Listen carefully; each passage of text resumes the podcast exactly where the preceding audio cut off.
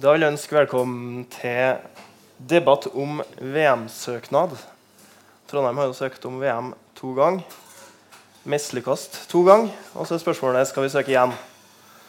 Eh, fire stykk som skal debattere der i kveld. Det er Siri Darell, leder i Sør-Trøndelag skikrets. Eh, Julie Hole, nestleder i Idrett, kultur og friluft, Arbeiderpartiet. Mats Ramo, Fremskrittspartiet. Og stereosjef Bård Flikke. vil starte eh, med å få en kort eh, rapport fra hver enkelt. Hva står dere? Bør Trondheim søke om VM i 2025? Og kort begrunnelse, Siri. Ja, selvfølgelig. Absolutt. Hvis jeg har sagt noe annet, så hører det blitt veldig rart. Eh, men det her har vi jo jobba med siden 2010. Og for uh, idretten, og skiidretten spesielt for vårt hjerte, så er det utrolig viktig at vi får uh, store arrangement og derigjennom utvikle anleggene i Granåsen. Og så tror jeg det vil tilføre både byen og idretten og kulturen uh, noe helt unikt som vi har å se frem til. Så ja, vi må søke en gang til. Julie? Ja, det mener jeg òg. Um, og det er flere grunner til det. Um, jeg mener at Granåsen sånn som det er i dag, det trenger oppgradering. Det er ikke noe tvil om. Men den oppgraderinga den trengs uansett. For sånn som anlegget er nå, så er ikke det i god nok uh, stand. Um, og det vi begynner å få til allerede nå, vi ser det ikke bare uh, når det gjelder ski, men det gjelder skyttermiljø f.eks. At vi skal få til en skytehall, vi skal få til et frisklivsanlegg. Hele Granåsen trenger virkelig et løft fordi at det skal være et helårsanlegg. Og det helårsanlegget det skal være så bra at vi kan låne det ut til VM og invitere de aller største og beste hit til å komme hit. Og så mener jeg at det er en god idé for byen Trondheim og for regionen vår Trøndelag å invitere til et VM hit. For Vi så det nå VM i Pyeongchang. Vi gjør det jo knallbra. Norge topper den medaljestatistikken. Og Trøndelag knuser land som Sverige og Frankrike og vertsnasjonen også. Og Da må vi også være med å ta ansvar. For det kan ikke bare være sånn at vi skal sende utøvere ut for å hente de her medaljene, men vi er også nødt til å ta ansvar å være med og arrangere. Og Derfor så mener jeg at vi burde invitere hit. Vi husker de aller fleste, i hvert fall, Jeg var bare ett år gammel, men aller fleste her ser jeg i hvert fall husker VM i 97. Jeg var med da, på fanget til mamma og pappa. Og, hvor, og så hvor mye det hadde å bety for byen vår. Og det bør vi få til en gang til. Mats? Eh, jeg skal innrømme at uh, eh, 17. mai så satt jeg i uh, Jeg vet ikke om uh, varaordføreren fra MDG ble så glad for det her, men jeg satt i taxi med varaordføreren. Uh, og så streama vi det her pressekonferansen eller offentliggjøringa om VM 2023 på iPaden min. Så fikk ikke Trondheim uh, det VM-et. Jeg skal være glad for at det var referatforbud i den bilen, for det var ikke særlig pent i glosene som uh, kom ut akkurat da det var klart at vi ikke hadde fått det. Men så er det litt sånn at etter den søte svie så kommer den sure kløa og begynte å tenke på hva vi har gjort feil. Uh, Skjønte man spillet? Eh, er Trondheim kommune som kommune rigga til et så stort arrangement? Og er man rigga til å få et så stort mesterskap? Eh, og Definisjonen på galskap det er at man gjentar eh, noe som åpenbart ikke fungerer flere ganger i håp om et annet resultat. Jeg vet ikke om Trondheim som by og Trondheim som kommune er i stand til å arrangere mesterskapet uten å få en kjempesmell på kostnader. Det kommer jeg til å komme inn eh, på senere i debatten. Jeg vet ikke om man er i stand til å påvirke eh, det internasjonale skimiljøet på en måte som gjør det. Fordi at Etter denne avgjørelsen i 2023 så fyrer man løs mot FIS. Mot at det er en lukka organisasjon som uh, tildeler et mesterskap som åpenbart ikke har skjønt sitt eget beste med å velge Trondheim. Uh, og I likhet med svært mange andre så har jeg større tiltro til castinga på Paradise Hotel enn hva jeg har til uh, tildelingskriteriene til FIS. Men nå er det nå en gang sånn at når man caster deltakere til Paradise Hotel, så sparer man skjenken til etter at castinga er over. Uh, og spørsmålet er er den prosessen som FIS har lagt opp til, og den prosessen som Trondheim må gå inn i, uh, er den forenlig med de verdiene man skal ha som en norsk kommune. Uh, man må ta en seriøs diskusjon på om det å skjenke overbetalte idrettstopper i håp om å påvirke dem til å gi oss et mesterskap, er riktig måte å gå fram på for å fremheve Trondheims by. For det er så mye annet, man, annet, mye annet ting man kan gjøre. Eh, nå ser man at man får en kostnadssprekk på øya. Man har fått en kostnadspress på sykkel-VM i Bergen. Da man eh, gjorde klart til ski-VM i Holmenkollen, så hadde man en kostnadssprekk på 4400% på hoppbakken. Nå må man ta en pust i bakken så må man se på hvem er det man bygger anlegg for.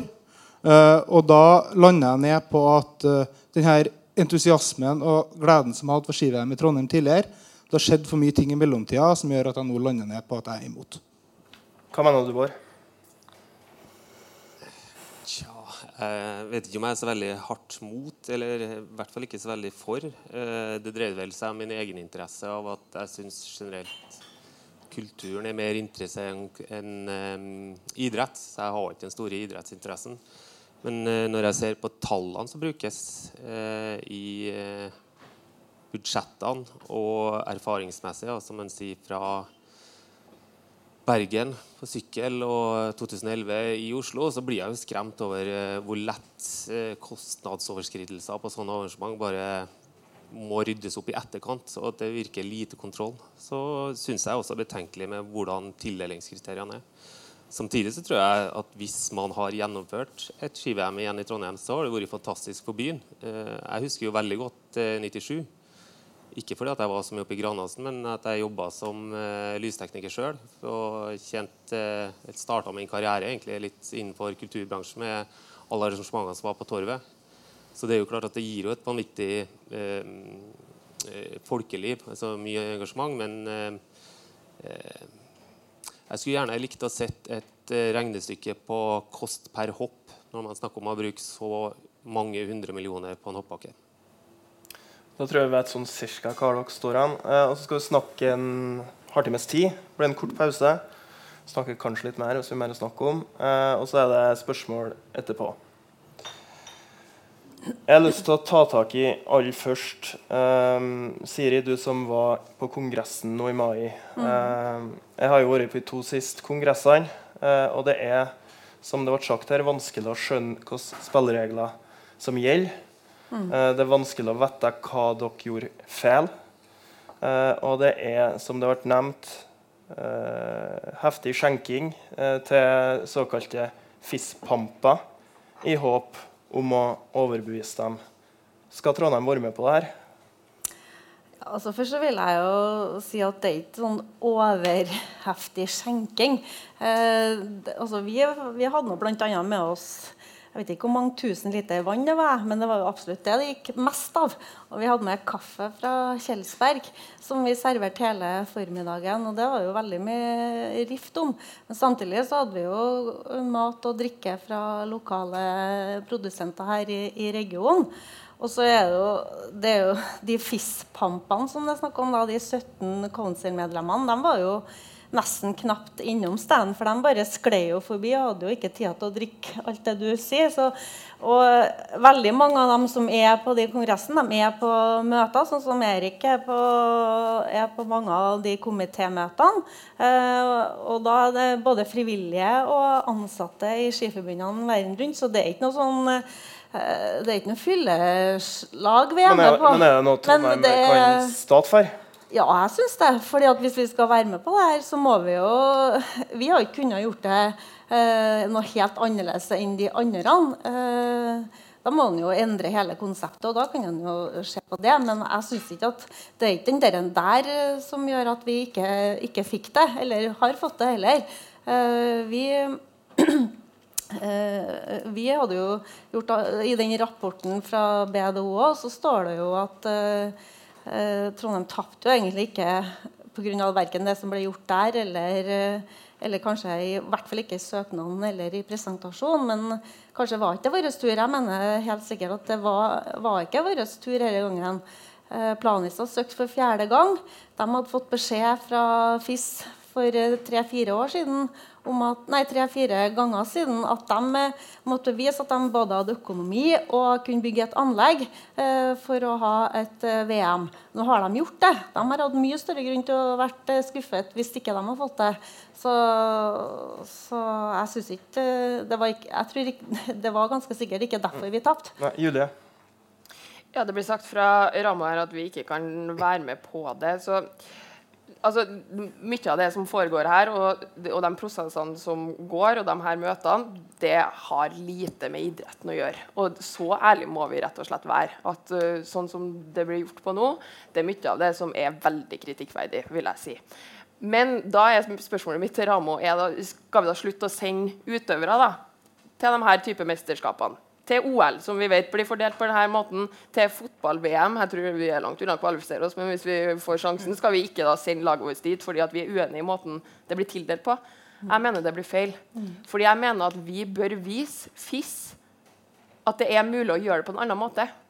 Og jeg mener at Trondheim burde gå foran og vise at en sånn pengegalopp det er ikke nødvendig å bygge dyre utøverlandsbyer og bygge et anlegg som er lukka kun for noen få topp eh, elite, eliteutøvere. Et sånt anlegg vil ikke vi bygge. Mats, Fordi at, fordi at Granåsen er ikke sånn. Men det er er bare, og, det, og det er bare å ta seg en tur opp i Granåsen. Jeg var her før helga og trent. Altså, Det kryr av folk. Og det er det som er så fint med Granåsen. Du kan være der enten du er sånn som meg, mosjonist, eller du er eh, liten og holder på med, med et eller annet. Så kan du trene i akkurat det samme anlegget som at du samtidig ser en Klæbo springe og trene bakkeintervall der. Det er så bra med Granåsen, men da er Trondheim nødt til å ta den rollen og ta det ansvaret og gå foran. Mats, er det ikke sånn at eh, vi hvis vi vil være med, så må vi jo eh, ta, ta det her? Jo, altså, som sagt, Vi kan gjerne være med, men vi kan ikke være med på de vilkårene som er satt for øyeblikket. Og jeg synes denne uh, argumentasjonen til skikretsen viser jo uh, at man har eh, man på langt vei beviser det som Adresseavisa skrev eh, på kommentarplass etter at eh, den tildelinga feila. Det er jo at man åpenbart ikke har forstått spillet. Eh, og da er spørsmålet hvorfor i all verden skal man legge opp til en sånn ekstravagant stand for Trondheim hvis man da kommer i etterkant og sier at nei, det hadde ikke noe innvirkning på om hvorvidt vi fikk mesterskap eller ikke. Nå har vi da lagt opp til det her eh, Man har delt ut hvor mange tusen liter kaffe og hvor mange tusen liter vann og hvor mange tusen liter øl og hvor mange hundre liter akevitt. Og så har de her beslutningstagerne som man skal på, påvirke ved å promotere Trondheim på denne kongressen, knapt nok har tida til å være innom og knapt nok har tida til å se på. Det virker som en veldig sånn underlig argumentasjon i ettertid. Så sier man da at nei eh, Uh, nei, det var jo overhodet ikke det er ikke sånn. Det er bare en liten del av det. Og ja, selvfølgelig så er det en liten del av det. Men det viser jo et av de store problemene som man har ikke bare innenfor skiverden, men også innenfor internasjonal idrett. Det er jo at det som foregår på toppnivå i organisasjonene, det har fjerna seg såpass langt fra grasrota. De her eh, eh, frivillige som står opp og sørger for at det er eh, skiløype opp til Likkjeia, altså der eh, den ordinære løypekjøringa eh, slutter. Jeg tror ikke de ville kjent seg igjen i den ekstravagante stilen man kjører på en FIS-kongress eller på en Fifa-kongress eller på en kongress i Det internasjonale håndballforbundet. Og Da er ikke dermed sagt at man skal slutte å sende utøvere. for uh, det, det er på et helt annet nivå enn om man skal ta den, både den økonomiske kostnaden og den økonomiske risikoen og gjennomføre et sånt arrangement. Kort svar fra Julie og så Siri. Også Jeg er enig i mye av det som eh, blir sagt der fra Ramo, og det har også eh, vårt parti med Rita Ottervik også vært veldig tydelig på i etterkant av denne prosessen, at det er ting her som hun og vi har lyst til å endre på. Og Det handler da spesielt om to ting. At det er for lukka, og da spesielt stemmeavgivninga, at det ikke er etterprøvbart. Og for det andre at eh, vi er nødt til å bruke mye penger på en papirsøknad når det egentlig kanskje er en, et køsystem, at man står i kø, og at det er unødvendig. Men jeg mener ikke at det er Trondheim som søkerby som må gå foran og ta den krigen. For det er en krig, det er en kamp man, som jeg mener vi burde ta. Men det ansvaret mener jeg ligger på den norske regjeringa. Det ligger på ministeren, som må være med å ta den kampen. Og det utfordrer jeg Mats Ramo fra Frp på å være med og sende klar og tydelig beskjed, for det ansvaret ligger på dem. Jeg mener ikke at det er Trondheim som burde ta den rollen. Siri.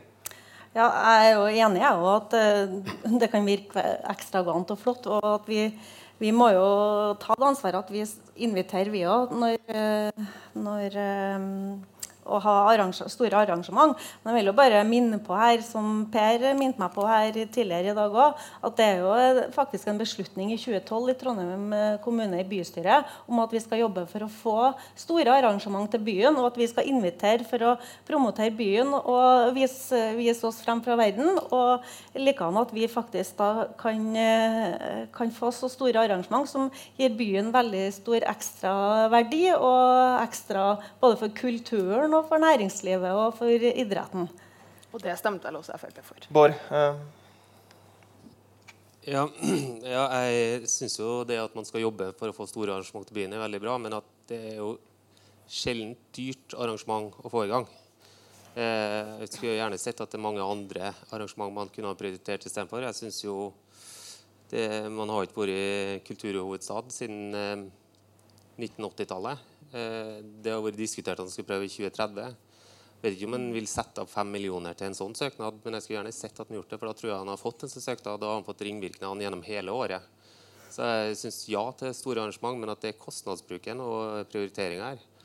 Og for min del så ville jeg gjerne sett at man kunne heller prioritert å bruke penger på sånne typer arrangement som vil gi en langt større bredde og en langt større varighet. Da, mener jeg. kort svar. Ja, men når vi får et VM, så kan vi jo ha mange store sånne typer arrangement i løpet frem mot et VM. Og vi kan lage en kalender på, på hele det, de årshjulene frem mot det VM-et òg, som inkluderer kulturen. Og det håper jeg jo virkelig at vi skal få til. Et løft for hele byen. Og hele Trøndelag, som Julie sier òg. Det må ikke bli sånn som det vanligvis blir, at kulturen må bli med og bidra inn til arrangementet. For det er jo gjerne det man driver. At det her er en arena man kan få lov til å være så heldig å være med på. Ja. Men i tillegg, da, vi bør jo få med oss næringslivet, som kanskje er den tyngsten å få med i en, en, sånn sammenheng. Og så kan vi lage noe bra sammen, sånn at vi får en vinn-vinn-situasjon økonomisk for både kulturen, kulturen og idretten. Hvis vi ser litt på kostnadene um 5,2 millioner har Trondheim kommune brukt på de to søknadene så langt. Eh, og så er det sagt at VM-anleggene i Trondheim vil koste 1 milliard. Cirka da, uh, Og prisen på hoppbakken er en halv milliard. Men du kan ikke kalle det VM-anlegg. For det, Nei, som det, det, sier, det er et hverdagsanlegg som skal brukes hver dag. Som allerede brukes hver dag. Det er, det, det er ikke har, 14 dagene. Ja. Men det spørsmålet jeg har til Bård, da, uh, som var skeptisk på pris per hopp. Eh, hvis Trondheim ikke skal ha råd til å ha eh, tipp topp hoppbakker eh, Vi vil nok kalle oss en vinterhovedstad. Eh, er det da noen som kan eh, ta seg råd til det? Skal ikke en by som Trondheim ha råd til det? Jeg syns absolutt Trondheim bør ha en hoppbakke. Eh, men det er jo interessant å se på kostnadsbildet på det. Eh, ja, ta seg råd til. Det er mye man skulle ha tatt råd til. Jeg, når jeg ser tallene, så blir jeg ganske overraska i at liksom, man skal bruke 18 millioner på å lage snø. Det syns jeg er litt rart. Det, det sto i en artikkel jeg leste. Eh, da er forutsetningene ikke helt til stede for det man prøver å tilrettelegge. Jeg har også sett, det var vel i Kina og OL så prøvde de vel å få vekk regnet også. så de skal endre på vilkårene man har. Eh, Eh, ja, man bør ha en skibakke, men en hverdagsbakke eh, det er ikke det nivået man trenger til bunnidretten, eller hva man kaller breddeidretten. Jeg har også reagert på tidligere at når man sier at det her skal vare gjennom hele året Jeg har jo en, et idrettsarrangement jeg har vært veldig irritert på tidligere, som flyr helikopter over festivalområdet vårt og sperrer inngangene. Toppidrettsveka, eh, som da sier at jeg skjønner ikke hvorfor de skal ligge midt i byen når det er et anlegg som tilrettelegges for rulleski i Granåsen, som er tilrettelagt for det. Hvis de ikke ønsker å bruke det resten av året til andre arrangement, da, det, da blir det litt feil. Det må være at det skal brukes på det tida av året også, det er tilrettelagt, for at man vil trekke ned og legge bruke masse ressurser til et ikke-bærearrangement, men at man legger asfalt for en dag, liksom. det syns jeg er helt meningsløst. Mats? Altså, eh, for det første, Nå er ikke min jobb måte, å argumentere mot deg når vi i all hovedsak er enige. Da. Men altså, når det kommer på, på toppidrettsveka, så er vi uenige. da. For det er jo som å si, Hvorfor ha festival på Marino men har Olavshallen? Altså, det blir omtrent en sånn type eh, argumentasjon. Jeg er opptatt av at man skal se hele byen. og Blir det et ski-VM, så er man jo selvfølgelig nødt til å lage en folkefest. Det hadde vært artig med sprint i sentrum, f.eks., men det er ikke, det er ikke eh, der skoa trykker. Eh, og jeg mener at hele denne diskusjonen om utbygging av anlegg den løfter et spørsmål som man er nødt til å ta en seriøs diskusjon på, uavhengig av om man får mesterskapet eller ikke. Uh, og det er når man bygger anlegg for mesterskap, selv om de også skal være hverdagsanlegg, så fører det ofte med seg kostnadssprekker. Man har sett det i Bergen og man har sett det i Oslo. Og denne hoppbakken i Holmenkollen endte opp med å koste noe Nå husker ikke jeg tallet i hodet, men kostnadssprekken var på 4400 Bare. Det blir litt rart å sammenligne Olavssalen med Marien, for at vi har fire scener og 8500 mennesker og kapasitet på det. Så det, det, det, det går ikke an å sammenligne. men uh, stereo kunne ha ligget en annen plass. Men uh, sånn det er per nå, så finnes det ingen andre arena som er aktuelle for oss å ligge på. For at det er ingen andre tilgjengelige arena. Vi, det, drives nå uh, Til neste helg skal jo testes festningen som arena for utenriksarrangement. Man kan si Sverresborg er reservert til Trondheim Concerts. Esedals er reservert til Trondheim Concerts. Det er for andre eksterne aktører her i Trondheim så finnes det jo ikke noen arena. Torvet er, nå under oppussing, og når det er ferdig, så er det plass til 7500 her. Det vil si at eh, VG-lista er ikke plass til å være der lenger. De kommer ikke tilbake til Midtbyen, for det er ikke tenkt på konsekvensene av ombyggingen man gjør. Julie. Ja, det er helt riktig at vi bruker mye penger på anlegg til idretten. Um, og det, det, får ikke kulturen på samme måte. Uh, men kulturen får støtte til drift. Og jeg tror Hvis man spør idretten kunne dere tenkt dere penger til drift, mm. så tror jeg du hadde fått et rungende ja. Mm. Men det får ikke idretten. Men derimot så er det mange i kulturen som bruker av eiendommen til kommunen f.eks. For, for å låne lokaler gratis. Det er bra. Men vi er nødt til å bygge anlegg for idretten. Det er sånn vi kan hjelpe dem. Fordi Det blir ikke mange kronene av det du steiker vafler på uh, rundt om i idrettslagene og i klubbene, sammenligna med det som det selges øl og mat for på Marinen på Stero f.eks. Siri. Jeg har bare en kommentar til de 18 millionene på rulleski. Det er jo ikke til VM, da. Det er jo et, eh, et rulleski- og snøproduksjonsanlegg som skal vi har glede av fra vinteren og, og, fremover. Og det er jo et hverdagsanlegg som, som alle kan bruke.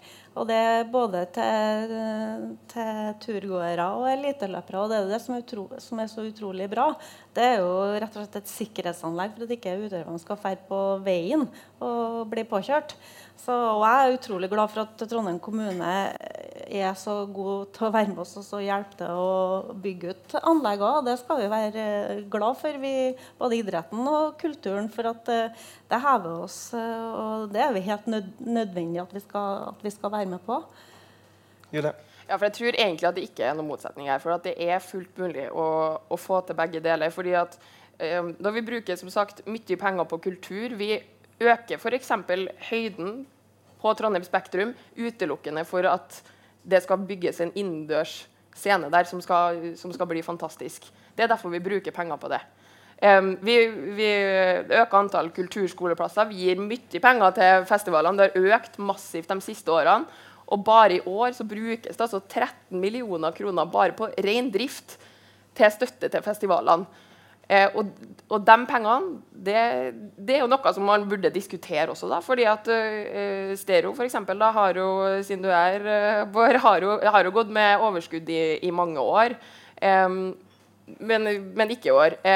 Og vi bygger jo prinsippene rundt at um, kulturnæringa må klare å stå på egne bein. Fordi at vi vet at det er mange små nå i kulturlivet som ikke klarer det, å stå på egne bein. Uh, så de store som som dere, da, som selger øl og som selger mat, må man også da kunne, kunne stille krav til. Så det er jo en diskusjon som, som man er også nødt til å ta, da, når vi var inne på det. Ja. Jeg ble veldig glad. Det har vært Det kulturdebatt. vi ser ikke som vi får støtte til drift, vi får støtte til innhold. Og det er innhold som vi gjør. Eh, kompetansebygging, gratis barnearrangement med eh, opptil vanligvis 5000 deltakere, som vi gir tilbake til byen. Og det er det vi bruker av våre støttepenger til. Og så skal også sies at Vi har en minimal støtte fordi vi er gode på egeninntjening. Fordi vi jobber med Størstedelen av inntektene kommer av billettkjøperne. Godt 60% Og så har vi ganske gode inntekter på egeninntjening. Så ligger vi under 10% av offentlig støtte. Mm. For, for bare, fordi at det ville de jo selvfølgelig svart i idretten også. At driftsstøtta det går til aktivitet. Altså Det skulle noe bare mangle. Kjære vene, Det er noe derfor vi gir penger. Det er derfor det heter drift, fordi at det skal gå til mer aktivitet. Det er grunnen til at vi gir det. Og det som du kaller egeninntjening, som er inntekt på mat og på øl og på billettinntekter også, det er helt andre beløp enn man er nødt til å operere med i idretten, hvor de egeninntektene er vaffelsteking på, på dugnad og kaffesalg. Et spørsmål til Siri, for det er du som uh, sitter i skikretsen her. Det er snakk om uh, hoppbakkene som blir så dyr. Uh, og, men det er et ønske om å ha et hverdagsanlegg, altså at det går an å hoppe på ski der. Mm. Men er det sånn at det går an å bygge eh, hoppbakkene i Granåsen til mye mindre sum hvis en bare vil hoppe på hverdag? Eller må en, eh, er det egentlig noen forskjell der? Er det noe alternativ hvis en vil ha hoppbakker i Granåsen? Nei, det er ikke noe alternativ. Der må vi jo bygge etter den uh, FIS-standarden som, uh, som, er. Uh, jeg syns ikke vi kan sammenligne med Holmenkollen. Faktisk en arkitektonisk bygning eh, i tillegg til at det skulle være en hoppbakke. De utfordringene har ikke vi i Granåsen. Sånn at, eh, men vi må bruke faktisk de pengene, dessverre. På, Så hvis en ikke, bruker dem, da blir det et rent Ja, Det er jo et eh, nasjonalt spørsmål. Ja. Vil vi være en skinasjon? Skal vi ha nordiske grener? Det vil vi jo ha eh, i Norge fremover. Vi må jo tenke litt på kulturen og identiteten vår i forhold til hva vi har hatt tidligere. Og da er det jo Holmenkollen, Lillehammer og Granåsen, Trondheim som er, pluss Vikersund, som mm. er de hoppbakkene. Jeg syns det er bra at vi har de fire anleggene, da, sånn at du ikke skal bruke masse penger på en hopp, så stor hoppbakke i hver grend. Så har vi jo de seks andre rekruttbakkene òg. Og de brukes nå.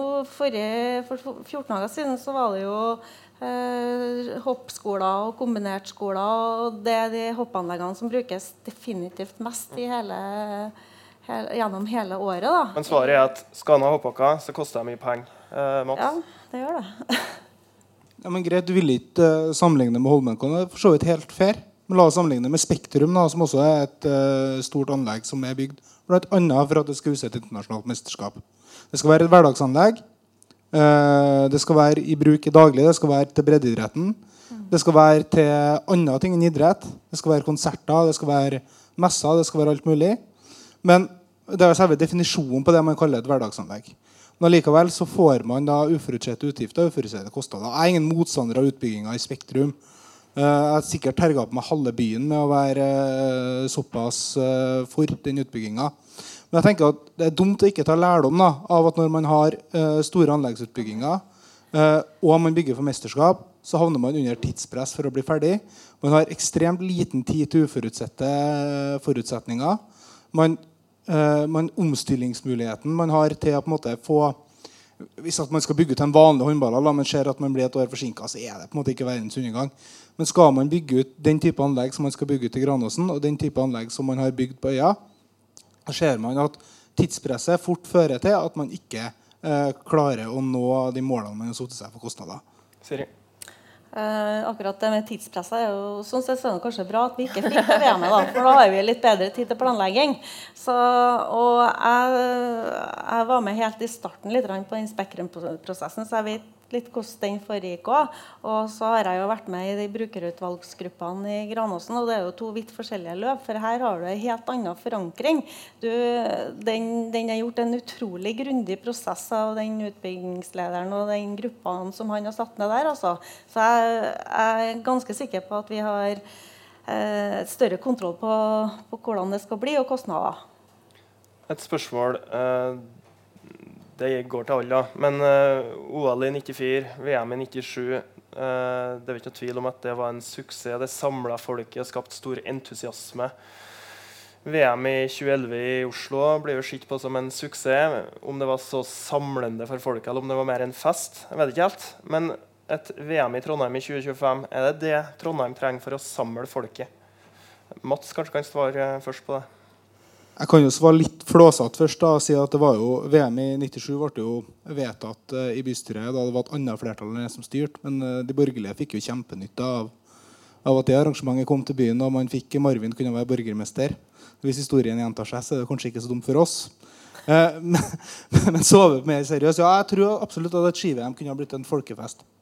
og det var også derfor at selv om måte, man var skeptisk til konseptet, at når man først har søkt, så kommer jo det her vinnerinstinktet inn, og man vil gjerne få det.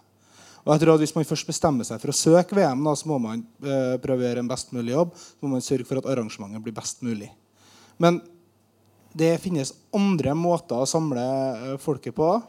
Eh, og jeg er sikker på at eh, hvis man får en oppkjøring til et mesterskap eh, som ikke er ideell, der man får det samme av, altså Hvis det skulle ha vist seg at det er samme negative holdninger til de internasjonale idrettsorganisasjonene eh, brer seg i befolkninga, hvis de samme negative eh, tallene på anleggsutbygging som har vært på en del andre mesterskap, fortsetter, så er det ikke sikkert man får det samme.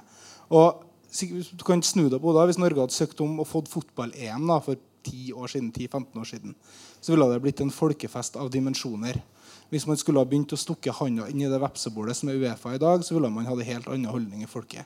Så jeg vet ikke om denne folkelige støtten til den type mesterskap er den samme som den var i eh, 1994 og 1997. Og jeg tror kanskje man så litt av det som gjorde at eh, arrangementet i Oslo ikke ble like samlende som det kunne. Hva tenker du, Bård, som eh, har et, eh, en litt annen innfallsvinkel?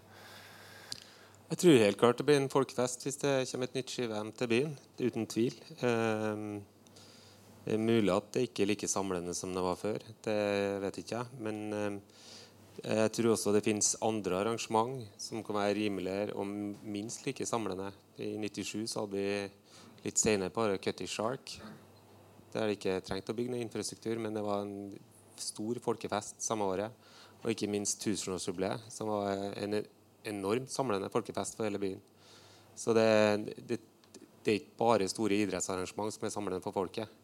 For du har sånne raringer som meg som ikke syns det er så veldig interessant å stå opp i Granåsen og se på og hoppe. Selv om jeg lærte meg ett ord, det var hynehyppe. Det var vel det jeg var så på hopp oppe her i 97, og det var, det var artig, det, altså. Eh, men eh, Kan jo få være med og lage show da, vet du, på, i Granåsen? ja, få lov til å være med på det. Ja. Julie, hva tenker du om det? Nei, jeg mener i hvert fall det er dumt å vente på et nytt tusenårsjubileum. Det, det trenger ikke vi. Så å sitte stille og vente og håpe at, eh, på at det kommer noe, det, det mener jeg er feil. Det, det er ikke uh, trondhjemmerne sin måte å, å møte framtida på. Det er heller ikke trønderne sin måte å møte uh, framtida på. Jeg mener vi har en enorm kraft nå med et uh, nytt eh, sammensatt, sammensatt og sammenslått eh, Trøndelag. eh, og den identiteten som vi har. Det er ingen andre i landet som kan, som kan måle seg med det. Og den rollen som eh, trønderutøverne våre har, eh, den er unik. Og det er vi nødt til, å, nødt til å være med å gå foran. Og da mener jeg at vi burde ta det, ta det ansvaret, ta på oss det og vise verden, vise FIS, at det går an å lage et arrangement, et VM, som er forankra i hele, hele Trøndelag, hele regionen vår. Eh, som er basert på de verdiene som vi står for, og som vi mener er bra, uten en sånn pengegalopp som mange andre har. Og det er fullt mulig å få til. Og da er vi nødt til å vise dem det og ta det ansvaret. Da tar vi fem minutter eh, pause. Da tar vi andre del. Um, jeg ser iallfall på Trondheim som en klar favoritt hvis eh, byen velger å søke i 2025. Det jeg lurer på eh, Er det sånn at det er helt sikkert at Trondheim får det som søker? Hva hvis en søker fra Japan eller Canada f.eks. melder seg? Det er lenge siden det har vært VM i Asia, og enda lenger siden det har vært i Nord-Amerika. Er det en fare for at Trondheim tar det for lett på det her? Hvis Trondheim velger å søke? Eh, spørsmålet mitt er egentlig hvordan bør eh, Trondheim angripe det her eh, hvis de skal gå for en, eh, et nytt VM? Er det å kopiere det som har skjedd de to siste gangene, eller er det å satse på noe nytt? Eh, Mats kanskje har, eh, kan innlede. Nå mener jo jeg at Trondheim ikke skal søke. da, så det er litt sånn, Hva skal man gjøre annerledes? Eh, men eh, jeg vil jo tro at hvis man skal sende inn en ny søknad, så må runde tre være mer folkelig forankra enn runde to. Eh, for at den runde én inn mot skikongressen i Cancún av alle plasser var jo Opplevde jeg i hvert fall større grad av folkelig engasjement enn hva det var rundt runde to. Eh, I runde én klarte man å henge på forskningsmiljøene og skulle på en måte vi dro med større segment i byen og skulle vise fram at her er universitetsbyen Trondheim.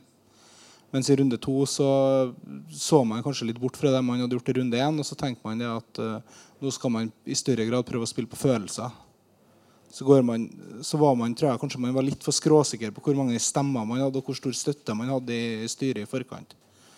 Så i runde tre så tror jeg man må være, man må være åpen for at man ikke kan vinne. Uh, og hvis man går inn med den innstillinga at nå skal man vinne styret, man må vinne et flertall, at det er ikke en, uh, et køsystem, da tror jeg kanskje det blir lettere enn hvis man går inn og man uh, tror at nei, det her går seg til. For da får man fort en smell hvis man tror man vinner før man har gått på banen. Julie, må det noen drastiske endringer til, mener du? Ja, jeg tror vi har mye å lære av de to uh, forrige søkerprosessene som vi har vært gjennom. og Derfor er jeg veldig glad for at vi fra politisk hold også har bestilt grundige evalueringsrapporter, som vi nå har behandla først i vår komité, og så skal også behandles i bystyret. og der, Det har vært en grundig gjennomgang uh, gjennom alle punkt hva det er som uh, har blitt gjort bra, riktig, som vi fortsetter med, videreutvikle, og hva det er som må gjøres annerledes. Og jeg tror at det er flere grep man, man burde ta, og det, det, har man jo også pekt på sjøl fra dem som har stått midt oppi dette her også. Um, jeg, tror, konkret, jeg, tror, jeg, tror, Mats er inne på noe med dette her med folkelig engasjement. og Det er kanskje noe av det som spesielt eh, de her rapportene peker også på, er her med regional forankring. At vi må bygge videre på det. Vi har en kjempefordel som jeg var inne på, her med at vi er Trøndelag, og at vi kan bygge det videre. Det tror jeg. Men også at vi tenker nytt. Eh, F.eks. Eh, Heimdal videregående, som, som, jeg gikk på, som har en veldig bra idrettslinje, som har dyrka veldig mange av de beste talentene våre med Klæbo og Forfang og, og gjengen der. De gjør mye bra. Hvordan kan vi bruke dem enda bedre? Eksempel. de arrangerer en fantastisk skidag for hele uh, byen, hvor det er flere hundre unger som er i aktivitet i Granåsen. Og Det handler ikke bare om ski, men det handler om at de også skal få tilhørighet til Granåsen som et hverdagsanlegg. Og Da er det aking, da er det ansiktsmaling, da er det matlaging. Du henter inn fra Strinda videregående, fra matlinja der. Uh, og du bruker de videregående skolene, tror jeg er kjempeviktig. Det er vi nødt til å forbedre og fortsette å bygge på. Vi har mye bra på gang.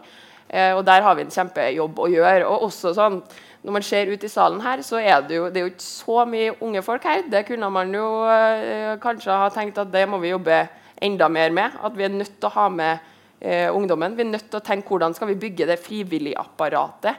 Det som var i 97. Hvordan skal vi få til det? Det kommer ikke av seg sjøl. Fordi det er en helt annen kultur nå, tror jeg, for oss unge. da, eh, Og hvordan man skal eh, engasjere seg frivillig.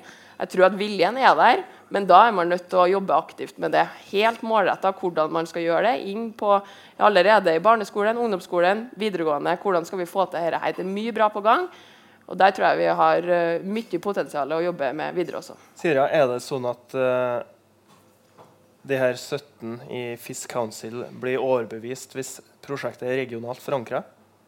Nei, jeg tror ikke Jeg tror vi må skille på den regionale forankringa og den internasjonale forankringa. For uh, jeg tror ikke, og det har vi jo fått konstatert òg, egentlig, at de Fisk Council-medlemmene de bryr seg altså, Eller de bryr seg sikkert, og de syns sikkert det er utrolig bra det vi gjør.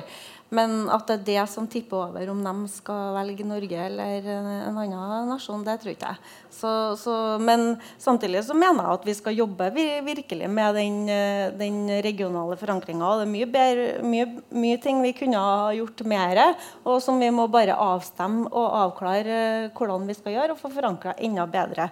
Og ha en forventningsavklaring oss imellom hvordan, hvordan det skal gjøres. Og da tenker jeg ikke bare skidretten, da er hele idretten i, i regionen i, i Midt-Norge. Så, så, det tror jeg. Men, men i forhold til stemmegivinga og, og hvis det kommer en annen nasjon eh, fra Japan eller Canada eller hvem det kan være, da, så, så, må vi jo bare ta det. Det vet vi jo ikke før 1. mai neste år. Og, og, da er det jo å, å, jobbe systematisk nå er det å ta med seg de erfaringene som vi hadde fra de to kongressene som vi har vært med. Og, og Guri og, og, gjengen der har jo vi har jo snakka med alle council-medlemmene. sånn at vi vet jo på en måte spillet eller Egentlig så vet jeg om det er sånn veldig spill heller, men, men vi må jo bruke de erfaringene da, til å ta det videre og så, og så gjøre de argumentene for at nå er det faktisk vår tur. Men samtidig så må ikke vi gå inn og tro at dette her bare er noe walkover heller. For det er det absolutt ikke. Hvis det kommer flere, så er de akkurat like gira som vi var første gangen på at de òg vil ha det. eh, Og har betalt like mye penger for den inngangsbilletten der. Så, så det må vi bare legge, legge Vi kan ikke eh, tro at vi får det bare ved å levere en søknad. Nei, det, det Bård, hva hvordan vil du ha angrepet det her hvis du skulle ha fått VM til å begynne? Jeg er absolutt ingen ekspert på hvordan en søknad om VM foregår. i hele tatt. Så eh, hvis jeg skal gjøre noe der, så blir det ikke en annen enn å spekulere eller komme med noen gode forslag. Gode forslag er jo å jobbe tettere med kulturen. Vise den fantastiske kulturen vi har i regionen, og bruke også det inn. Det tror jeg kan være med å styrke en søknad. Eh, spekulere. Kanskje må man ha litt dyne, dyrere og finere viner å servere, da. Hvis det er det som er sånn, det eh, sånn det funker. Men eh, som sagt, Noen drikker ikke heller. Nei, jeg har ingen fasit på det. Det, det tenker jeg dem som har prøvd eh, to ganger allerede, har eh, lært på de to gangene de har gjort det. Gjort seg masse erfaringer. Eh, og så må man prøve å bygge videre. Og jeg tror Det som var sagt om frivilligheten, jeg tror man kommer til å oppleve at det er annerledes enn 97. Der kan man få seg en vekker. For at det kreves til så store arrangement enormt til støtte fra frivilligheten. Så det er noe man begynner å jobbe og forankre tidlig. Det merker vi som festival også, at det er det har skjedd mye på de tolv årene vi har drevet på. Eh, så det, der må, kan man ikke ta for gitt at de stiller opp på samme måte som tidligere, kanskje. Mm. Ja, og Der har du kjempemye å lære av f.eks. Stereo, som er vanvittig flink på akkurat dette her med å bygge et frivillig apparat, og som hadde nå en frivillig fest i etterkant nå eh, på lørdagen, og som klarer å bygge det apparatet. Og Her utfordrer jeg idretten, som sitter her nå, til allerede nå å jobbe mye mer tett sammen på dette. Fordi det er jo så unødvendig at vi bygger opp én type frivillig kompetanse som handler om kultur, som handler om festivaler. For det er jo litt samme folkene som du møter på Olavsfestdagene og Stero og, og de type arrangementene. Og så har du en helt egen base med frivillige i idretten. Det går ikke an, for jeg tror ikke det kommer til å kry av frivillige som står og banker på døra hvis vi får det et VM i 2025. fordi det kommer ikke til å være sånn som det var i 97. Og da er vi nødt til å begynne tidlig, og der utfordrer jeg både idretten og kulturen til å jobbe mye tettere sammen, for der har vi et potensial. Mm. Jeg er helt enig. og Vi holder jo på, vi jobber jo sammen med kulturen på enkelte arrangement. Vi kan absolutt bli mye flinkere. Og jeg synes Det er veldig bra at du sier det med ungdommene, for det er en utfordring som eh, vi har i idretten og alle tror jeg fremover. da. Så den må vi ta. Vi må jobbe sammen. Og vi må jobbe sammen med EM-organisasjonen, med idrettskretsen og med alt det som skal foregå av større arrangement i regionen. For å bygge opp kompetanse, og at vi kan bygge et lag som kan, eh, som kan ikke bare mot VM, men helt sikkert andre typer store arrangement òg. Men er det et problem at vi ikke vi vet ikke hva det var som gjorde at eh, vi ikke nådde opp sist? Eh, kan det være at vi ikke var spissa nok mot det såkalte spillet? da, At, eh, at det er der kreftene må settes inn? Men du må huske på at de aller aller fleste da, søker minimum tre ganger. Det er faktisk litt feil i den rapporten til BDO. Det, hvis du ser på statistikken, så har de aller fleste søkt i uh, hvert fall to ganger og fått det på tredje-fjerde gangen. sånn at det, det som skjedde egentlig i starten av eh, når vi begynte å jobbe med det VM-prosjektet i skikretsen og i, i samme med kommunen og fylkeskommunen her, det var jo at eh, vi hadde et momentum i forhold til en nasjonal forankring. Og hvis ikke vi har gjort det den gangen, sånn at vi fått den avgjørelsen i 2014 eh, Skiforbundet ville jo egentlig vente med å søke eh, for første gang i 23. Da. Og da vi, kanskje, har vi faktisk bare vært på førstegangssøknad ennå. Men, eh, men da er det ikke sikkert at det har vært Trondheim. Så, eller eh, da har vi fått en kamp nasjonalt. Så det var viktig for oss at vi fikk eh, avklaring på den nasjonale kampen. Og så vi kanskje, var vi kanskje to år for tidlig med den første runden. da. Mats? Spørsmålet tilbake til skikretsen. det er jo, eh, Har man vært Eller skikretsen egentlig organisasjonen, men eh, skikretsen får noe svar. da, det er jo, Har man vært tydelig nok på det når man har kommunisert ut til eh, mannen i gata? Fordi I forkant av det her møtet den 17. mai så var eh, kommunikasjon Det var ikke noe mye som tyda på altså, man var, man var, I kommunikasjonen ut så var man tydelig på at man forventa en seier, eller at man måte, var sikker på Vi har i hvert fall sju stemmer, og det er ikke så mye som skal til. altså Man var veldig lite åpen om at det kanskje var sånn at de som har søkt eh, mange ganger før og står i kø, kunne ha fått den uh, sto foran oss i køa. Og Da tror jeg kanskje også at hvis man hadde gått inn i den eh, prosessen fram mot 17. mai på en litt mer eh, la oss si, åpen, åpen og ærlig måte om akkurat det, så tror jeg kanskje man ville opplevd en helt annen forståelse for folk på at man, eh, nå skal man eh, sette seg ned, og så nå har man søkt to ganger, nå skal man søke en tredje gang. Eh, I stedet for så sitter man igjen skuffa, så sånn, blir man litt sånn motløs. Eh, og reaksjonen blant de jeg kjenner i skimiljøet, og eh, politikerne jeg kjenner, og eh, vanlige folk jeg snakka med, og kollegaer på arbeidsplassen min, og sånn, de er jo sånn at eh, de var jo overraska over at vi ikke fikk det. Og da er spørsmålet har man, har man klart å kommunisere ut på en eh, god måte at eh, eh, kanskje var det ikke vårt år i år. Det må jeg svare på.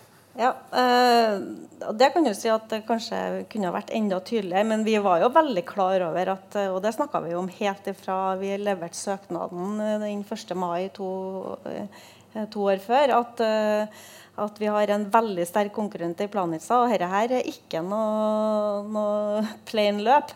Det, det snakka vi jo om hele tida. Samtidig som når, når eh, den søker når, når vi reiste nedover til Hellas nå, da, så reiste vi jo ikke der for å tape. Da regner jeg med at de fleste som uh, har villet vært med på en sånn, uh, sånn case, reiser jo nedover for å vinne. så Derfor så, så blir du jo skuffa på en måte når du taper, men vi visste jo at det var en, eh, var en eh, veldig veldig god konkurrent. Og så er det jo sånn som Birger og sånn hjelper jo til å fyre opp med under at det her skal vi ta dem òg, i media. Så, så men vi hadde jo snakka om det i skimiljøet i hele den perioden at dette her var ikke noe enkel sak. Og det mener jeg jo at det ble tydelig kommunisert ut, selv om kanskje ikke det kom ut eh, til alle. da. Da lurer jeg på om det er noen i salen som har noen spørsmål? Ja? Per Lund er navnet. Eh, jeg har full respekt for at eh, noen kanskje er imot å, å, å søke et eh, VM. Men jeg skulle ønske diskusjonen eh, var litt mer presis når man sammenligner arrangementer. Det ble jo nevnt eh, Oslo her og, og den hoppbakken. Og det kom Siri sa jo litt at der bygde man jo et et anlegg for turisme. et signalanlegg, et nasjonalanlegg som skulle eh, har stort turistbesøk gjennom hele året. Så, så det tok jo helt av den bygginga. Så det vil jeg ikke legge på selve arrangementet. Når det er snakk om eh, UCI og, og sykkel-VM, så må man ikke glemme at det foregår på en helt annen måte. Norges Sykkelforbund måtte kjøpe ut rettighetene av det internasjonale forbundet. Og det var store summer. Eh, Og optimistisk trodde de at de skulle selge disse rettighetene. Det feila jo totalt. Mens allerede i dag så vet FIS hvilke arrangementsinntekter Nei, Trondheim kommune hvilke arrangementsinntekter de vil få i et VM eh, fra FIS. Og sånn som Åre nå, som, selger, eh, nei, som gjennomfører et VM eh, alpint til, til vinteren, det er også et FIS-arrangement. Der har pengene tikka jevnt og trutt inn eh, hele tida, og, og de vil få et oppgjør når arrangementet er over. De vet hvilke summer som kommer. Så er det da det som blir det mye provisorier og sånne ting, så kan det selvfølgelig det eh, bli et underskudd eh, i verste fall. Men det er ingen som har arrangert alpin-VM eller nordisk VM de senere årene som har gått underskudd på arrangementet. Så presisjonsnivået når du sammenligner arrangement, Ja. burde være litt eh, bedre. Jeg ville kanskje sammenligna med skiskytter-VM som gikk i Oslo som det siste store skiarrangement. Det gikk jo kjempeoverskudd, da. Også I tillegg da, på sykkel-VM så, så hadde jo ikke Sykkelforbundet låst valutaen, og det hadde jo veldig store konsekvenser for dem. Um, og i forhold til året, så finansierer så Det å ha et alpin-VM det er jo et veldig stort overskuddsarrangement. Altså, jeg bestrider ikke at det er forskjell på de arrangementene du her nevner, men det er en viss risiko forbundet med alle store offentlige utbyggingsprosjekt. Du bør se på eh, stupetårnet på Mjøsa, for eksempel, som ikke er et stort prosjekt, men som er blitt et legendarisk eksempel på kompetanse i offentlig forvaltning. Eh, Så når man har eh, anleggsinvesteringer av den størrelsen som man skal ha i, ha i forbindelse med et VM, om det er på ski eller om det er noe annet, så er det alltid en stor X. Det er klart at Skiforbundet har organisert uh, utbetalingene og, og, måten uh, måten lokalsamfunnet og arrangører tjener på en helt annen måte enn hva andre forbund har. Men den store X-en i alle arrangementer av den typen, det er hvilke kostnader sitter man igjen på med, med når man skal bygge ut. Og da må jeg gjenta at kombinasjonen tidspress for å bli ferdig, eller kombinasjonen med å nå et mesterskap hvis det skulle skje noe uforutsett, og eh, det at anlegget må stå ferdig til en viss dato, at man kanskje eh, kjører på mer enn hva man kanskje ville gjort med andre ut utbyggingsprosjekt, det skaper en stor X. Altså en ukjent. Eh, som det er vanskelig å ta høyde for når man skal foreta offentlige utbygginger. Siri, veldig kort kommentar. Ja, jeg bare vil si at Det er ikke noe bare til VM. det her. Husk på at Den verdien som anlegget kommer til å sitte igjen med etterpå, og den frisklivssentralen som er under bygging nå, eh, det kommer til å være et hverdagsanlegg som, skal, eh, som, som kommer hele byen og regionen til gode. Ikke bare under de 14 dagene når VM skal være, men årene før og veldig mye årene etterpå. Bård, ja, også, Julie. Eh, Jeg tenker jo at man eh, i Holmenkollen har gjort noe rett med å gjøre det til et arkitektonisk bygg som brukes i langt større grad enn bare for idretten. At det blir et eh, signalbygg, eller det har jo egentlig vært før òg. Så det syns jeg er bare en flott ekstraverdi om man klarer å oppnå sånne ting. For da blir det i langt større grad brukt til andre ting. Så det at det blir en destinasjon for å oppleve for sånne ting, tenker jeg det er ikke noe negativt i seg sjøl. Da har man skapt en merverdi i anlegget også. Nei, jeg, ikke neg... Nei, nei. jeg, jeg, jeg har ikke brukt det negativt. Men jeg jeg har sett at overskridelsene var veldig store der. Eh, jeg kan også kommentere sykkel-VM i Bergen. For der var jeg var ei halv uke etter det var ferdig. Og jeg var helt sjokkert over at en arrangør kan la en by se så elendig ut etter endt arrangement. Det var, det var så mye rester av det arrangementet som var strødd franskgjerder og telt overalt. Byen så ikke ut. Så Det er klart at det, det må være forventninger til en profesjonell håndtering som arrangør. Ikke bare for idrettssida, men det å håndtere så store arrangement er ganske kompleks. Og det må man være skodd for. Og det var ikke sykkel-VM i Bergen i hele tatt, syns ikke jeg. Så det, det er sjelden dårlig håndtert i etterkant. Judi, en eh, kort kommentar. Ja, jeg skjønner at det er verre å, å, å få til dette dersom du har programforplikta deg til å skal kutte en halv milliard i eiendomsskatt, ikke bare i løpet av en periode eller frem til VM i 2025, men hvert eneste år. Da er det faktisk verre å få dette til å henge opp. Men det er mulig å få til å bygge skoler og bygge sykehjem og fortsatt bruke penger på å bygge anlegg og få til dette her, fordi at vi har råd til det. Og så mener jeg helt til slutt at vi skal ikke måle dette her i om det blir et signalbygg eller ikke. Det mener jeg er feil. Det vi skal måle det i, det er antall vanlige folk som kan bruke dette hverdagsanlegget før og etter VM. Hvis vi klarer å få det antallet høyt nok, da skal vi være fornøyd med anlegget. Kan ikke like mye debatt etter neste spørsmål, men det er du. Var ikke noe spørsmål, men kanskje kommentar. Eh, Jeg er ikke i tvil om at eh, Trondheim hadde en veldig god søknad. Det sier også det internasjonale miljøet. De har fått mye skryt for søknaden, så det sto ikke på det. Man hadde en likeverdig konkurrent som vant, og så enkelt tror jeg faktisk at det var. Og så er man kvitt to sterke konkurrenter i seg på planlista, så sjansen neste gang er jo betydelig større. Og søker ingen fra Oversjø, så tror jeg skal ikke garantere noe, men da tror jeg sjansen er veldig veldig stor. Men eh, all honnør til de som har lagd søknaden. Den har vært veldig bra. Når det gjelder eh, Granåsen, så er jeg for øvrig daglig leder i skikretsen og for verdenscuprennet av Granåsen. Og det er ingen tvil om at når man bygde til 97, så bygde man litt for billig. Og det har man slitt med i 20 år, for man har flikka på anlegget hele tida, og det har også kosta mye penger. Så det å bygge ordentlig når du først bygger, og ikke bygge for 20 år, men bygge for 50 år, det er særdeles viktig. Eh, Verdenscuprennet, som er det eneste store arrangementet årlig som ble sendt worldwide på TV-en. Går i hoppbakken. Eh, de den mista vi lisensen på i vinter fordi den drev og datt sammen litt her og der. Som da kommunen måtte flikke på igjen.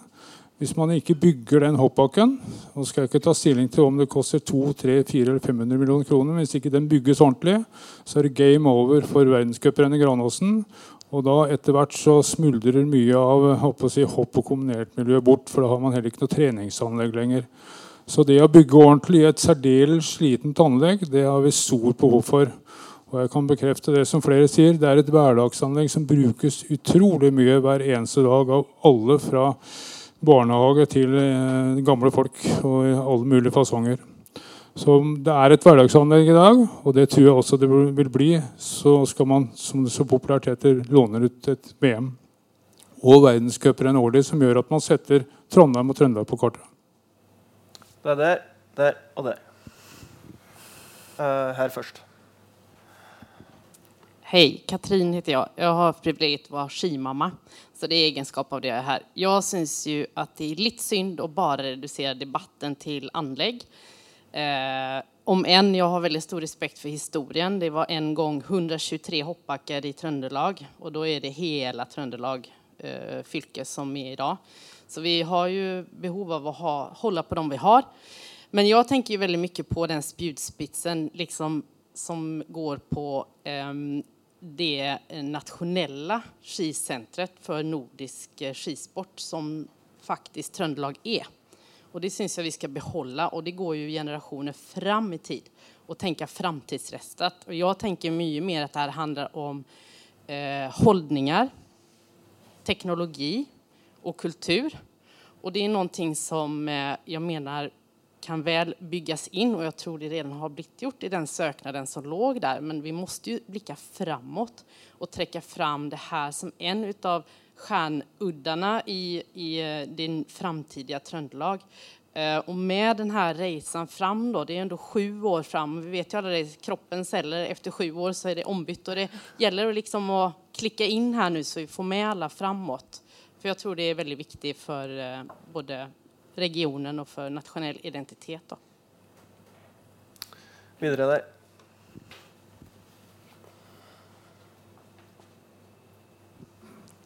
Annelise Bratsberg, styreleder i idrettsrådet. Granåsen er et av de anleggene som er veldig viktig for idretten i Trondheim. Og I mange år nå så har anlegget i hovedsak bestått av uh, hopp og langrenn. Og så fikk oss uh, skiskytingsfasilitetene. Men det som vi holder på med nå, det er å utvikle anlegget til å gi muligheter for en langt flere ulike idretter. Og det er en bevisst strategi fra Idrettsrådet til at vi får flere ulike idretter til å holde på i de samme anleggene. Vi kan bare se på ladeanlegget fra å være én idrett, fotball, annenhver dag. Nå er det 12-15 ulike idretter utpå der. Og de holder på samtidig i ulike deler av anlegget. Og det er sånn vi er nødt til å tenke i Trondheim. De anleggene vi har, må vi bruke på veldig mye ulike områder. Flerbruk.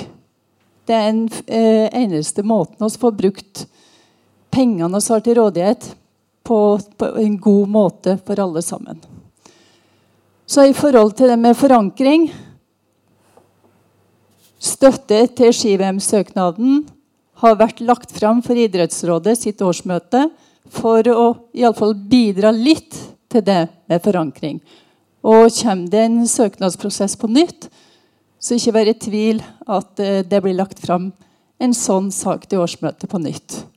Og så får vi tenke gjennom om vi skal spørre alle idrettslagene da, i tillegg om de må støtte. Ja. Uh, Harry Arne Solberg heter jeg. Um, jeg tror det er lurt av og til å prøve å se seg sjøl utenfra og så spørre hvem er vi Altså, Hva er Trondheim, hva er Trondheim ikke? da? Og uh, Det er mulig det provoserer en del, da, men likevel jeg drister meg til å si det. Altså, Trondheim er ikke noe vintersportsdestinasjon. Det holder ikke å dra fram Oddvar Brå, Magne Myhre osv. Ja, det er riktig, de har vunnet masse og sett Trondheim på kartet, og sånn, men det er ingen som drar til Trondheim for å stå på ski. Det er ingen som drar, altså Bymarka er for folk her. ikke sant? Og det Hvis dere var på det her eh, seminaret som Næringslivsrådet har for noen uker siden, han hørte på han representant fra Åre, så blir liksom forskjellen mellom en profesjonell vintersportsdestinasjon og Trondheim så soleklar. altså. Fordi at Åre Oppdal for eksempel, også, så er det en næringsgren. Det er en hovednæringsgren. Og det, det blir det aldri i Trondheim. Derfor så mangler vi den profesjonaliteten på den biten der. Og den tror jeg er viktig, og den blir antakelig viktigere framover når vi skal satse på, eller bestemme hva man skal satse på. Um, jeg var jo her i 97, og ja, det var en stor festopplevelse. Og det tror jeg det kommer til å bli igjen. Det blir noe som, uh, Hvis nå været er bra, da, Ehm, så tror jeg det kan bli en kjempefin opplevelse. Men så er det spørsmålet eh, hva er det verdt. altså? Eh, hvorfor vil vi ha det her? Å være realistisk. Eh, det vi kan oppnå, ja, det er den, det er den festen. Det er liksom nyttårsrakettene og den type ting. Men ikke kom med det der tullet om at turister etterpå. Det har ikke Trondheim potensial til når det gjelder, når det gjelder ski- og vintersportsdestinasjon. Og så har det vært snakka en del om om eh, kostnadsoverskridelser. Altså Faren eh, og det som ofte eh, gjør at det går gærent der, det er når man kombinasjonen av en deadline og så multianlegg. Og den, den hører jeg her, den er jeg litt redd for. Alt må vi ferdig i tid. Og Jeg har forska en del på dette her og sett eh, disse problemene som, som dukker opp. Altså. Man er så optimistisk. Ja, man får evalueringsrapporter som ser bra ut. Men så setter man i gang. Og det å ha det profesjonelle apparatet fra dag én er kjempeviktig. altså. Men, men, men, jeg, men jeg vil avslutte. Det, der gratis Jeg sjøl drev og jobba og forska på hvorfor gikk det gærent i, i, i Oslo med, med, med anleggene der. Jo, for du hadde en bråte med gratispassasjerer som kan stille krav uten å måtte betale det. Som han sa, han eh, som leder hele byggeprosjektet. Altså, de har ja, Jeg er nordlending, så jeg sier det så rett ut. Det var faen ikke edruelig i det hele tatt før media kom på banen og liksom satte ordet 'krise'. Men da var det for seint. De starta på 110 millioner, det første budsjettet i 2005. Og så endte de opp med 1,9 milliarder. Um, jeg vet, VM her i 97 gikk jo bra, det, det vet kanskje Per mer om. men altså, det ble overskredet gikk om kostnads, dekte kostnadene, disse løpende utgiftene. Hvordan det gikk med anleggene, det, det vet jeg faktisk ikke. Men det vet kanskje du, Per.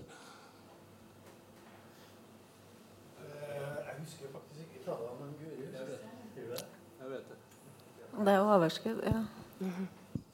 VM eh, gikk eh, med ca. 35 millioner kroner i overskudd. 15 millioner ble sendt tilbake til FIS, og 15 millioner til Trondheim kommune. Og jeg tror skikretsen fikk 3 millioner. Mm. Pluss at eh, det var bygd opp anlegg da, som ble igjen og ble til nytte for de som skulle drive idrett etterpå.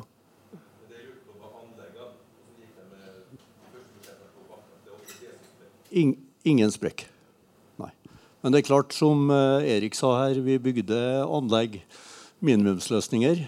Vi var ikke slepphendt med penger verken til arrangementet eller til det bygningsmessige. Så det var vel grunnen til at det hele bar seg veldig godt økonomisk. Så for vi som sto for arrangementet, så var jo det Det, det ble jo en stor fest og et vellykket arrangement. Men uh, når budsjettet og pengene går i hop, så blir vi ekstra ekstra glad. Og det tror jeg kan være mulighet for her òg. Det er jo litt trist at idretten etter hvert skal bli så kostbar. Da tenker jeg på bare i forhold til anlegg og den, de kostnadene som hver enkelt utøver har. Det har jo tatt fullstendig av. og jeg ser jo både i langrenn og andre idretter så er det jo det, det er nesten, altså Nå er jo jeg gammel og konservativ, men jeg syns det er forferdelig. Men situasjonen er jo slik. Og jeg tror kanskje noen må begynne å jobbe seriøst for å få det her dempa litt, som du fra Arbeiderpartiet var inne på. Men det må skje på et annet nivå enn i Trondheim kommune. Det må skje på forbundsnivå og kanskje på internasjonalt nivå med FIS. Mats uh, vil ha kommentar. Ja.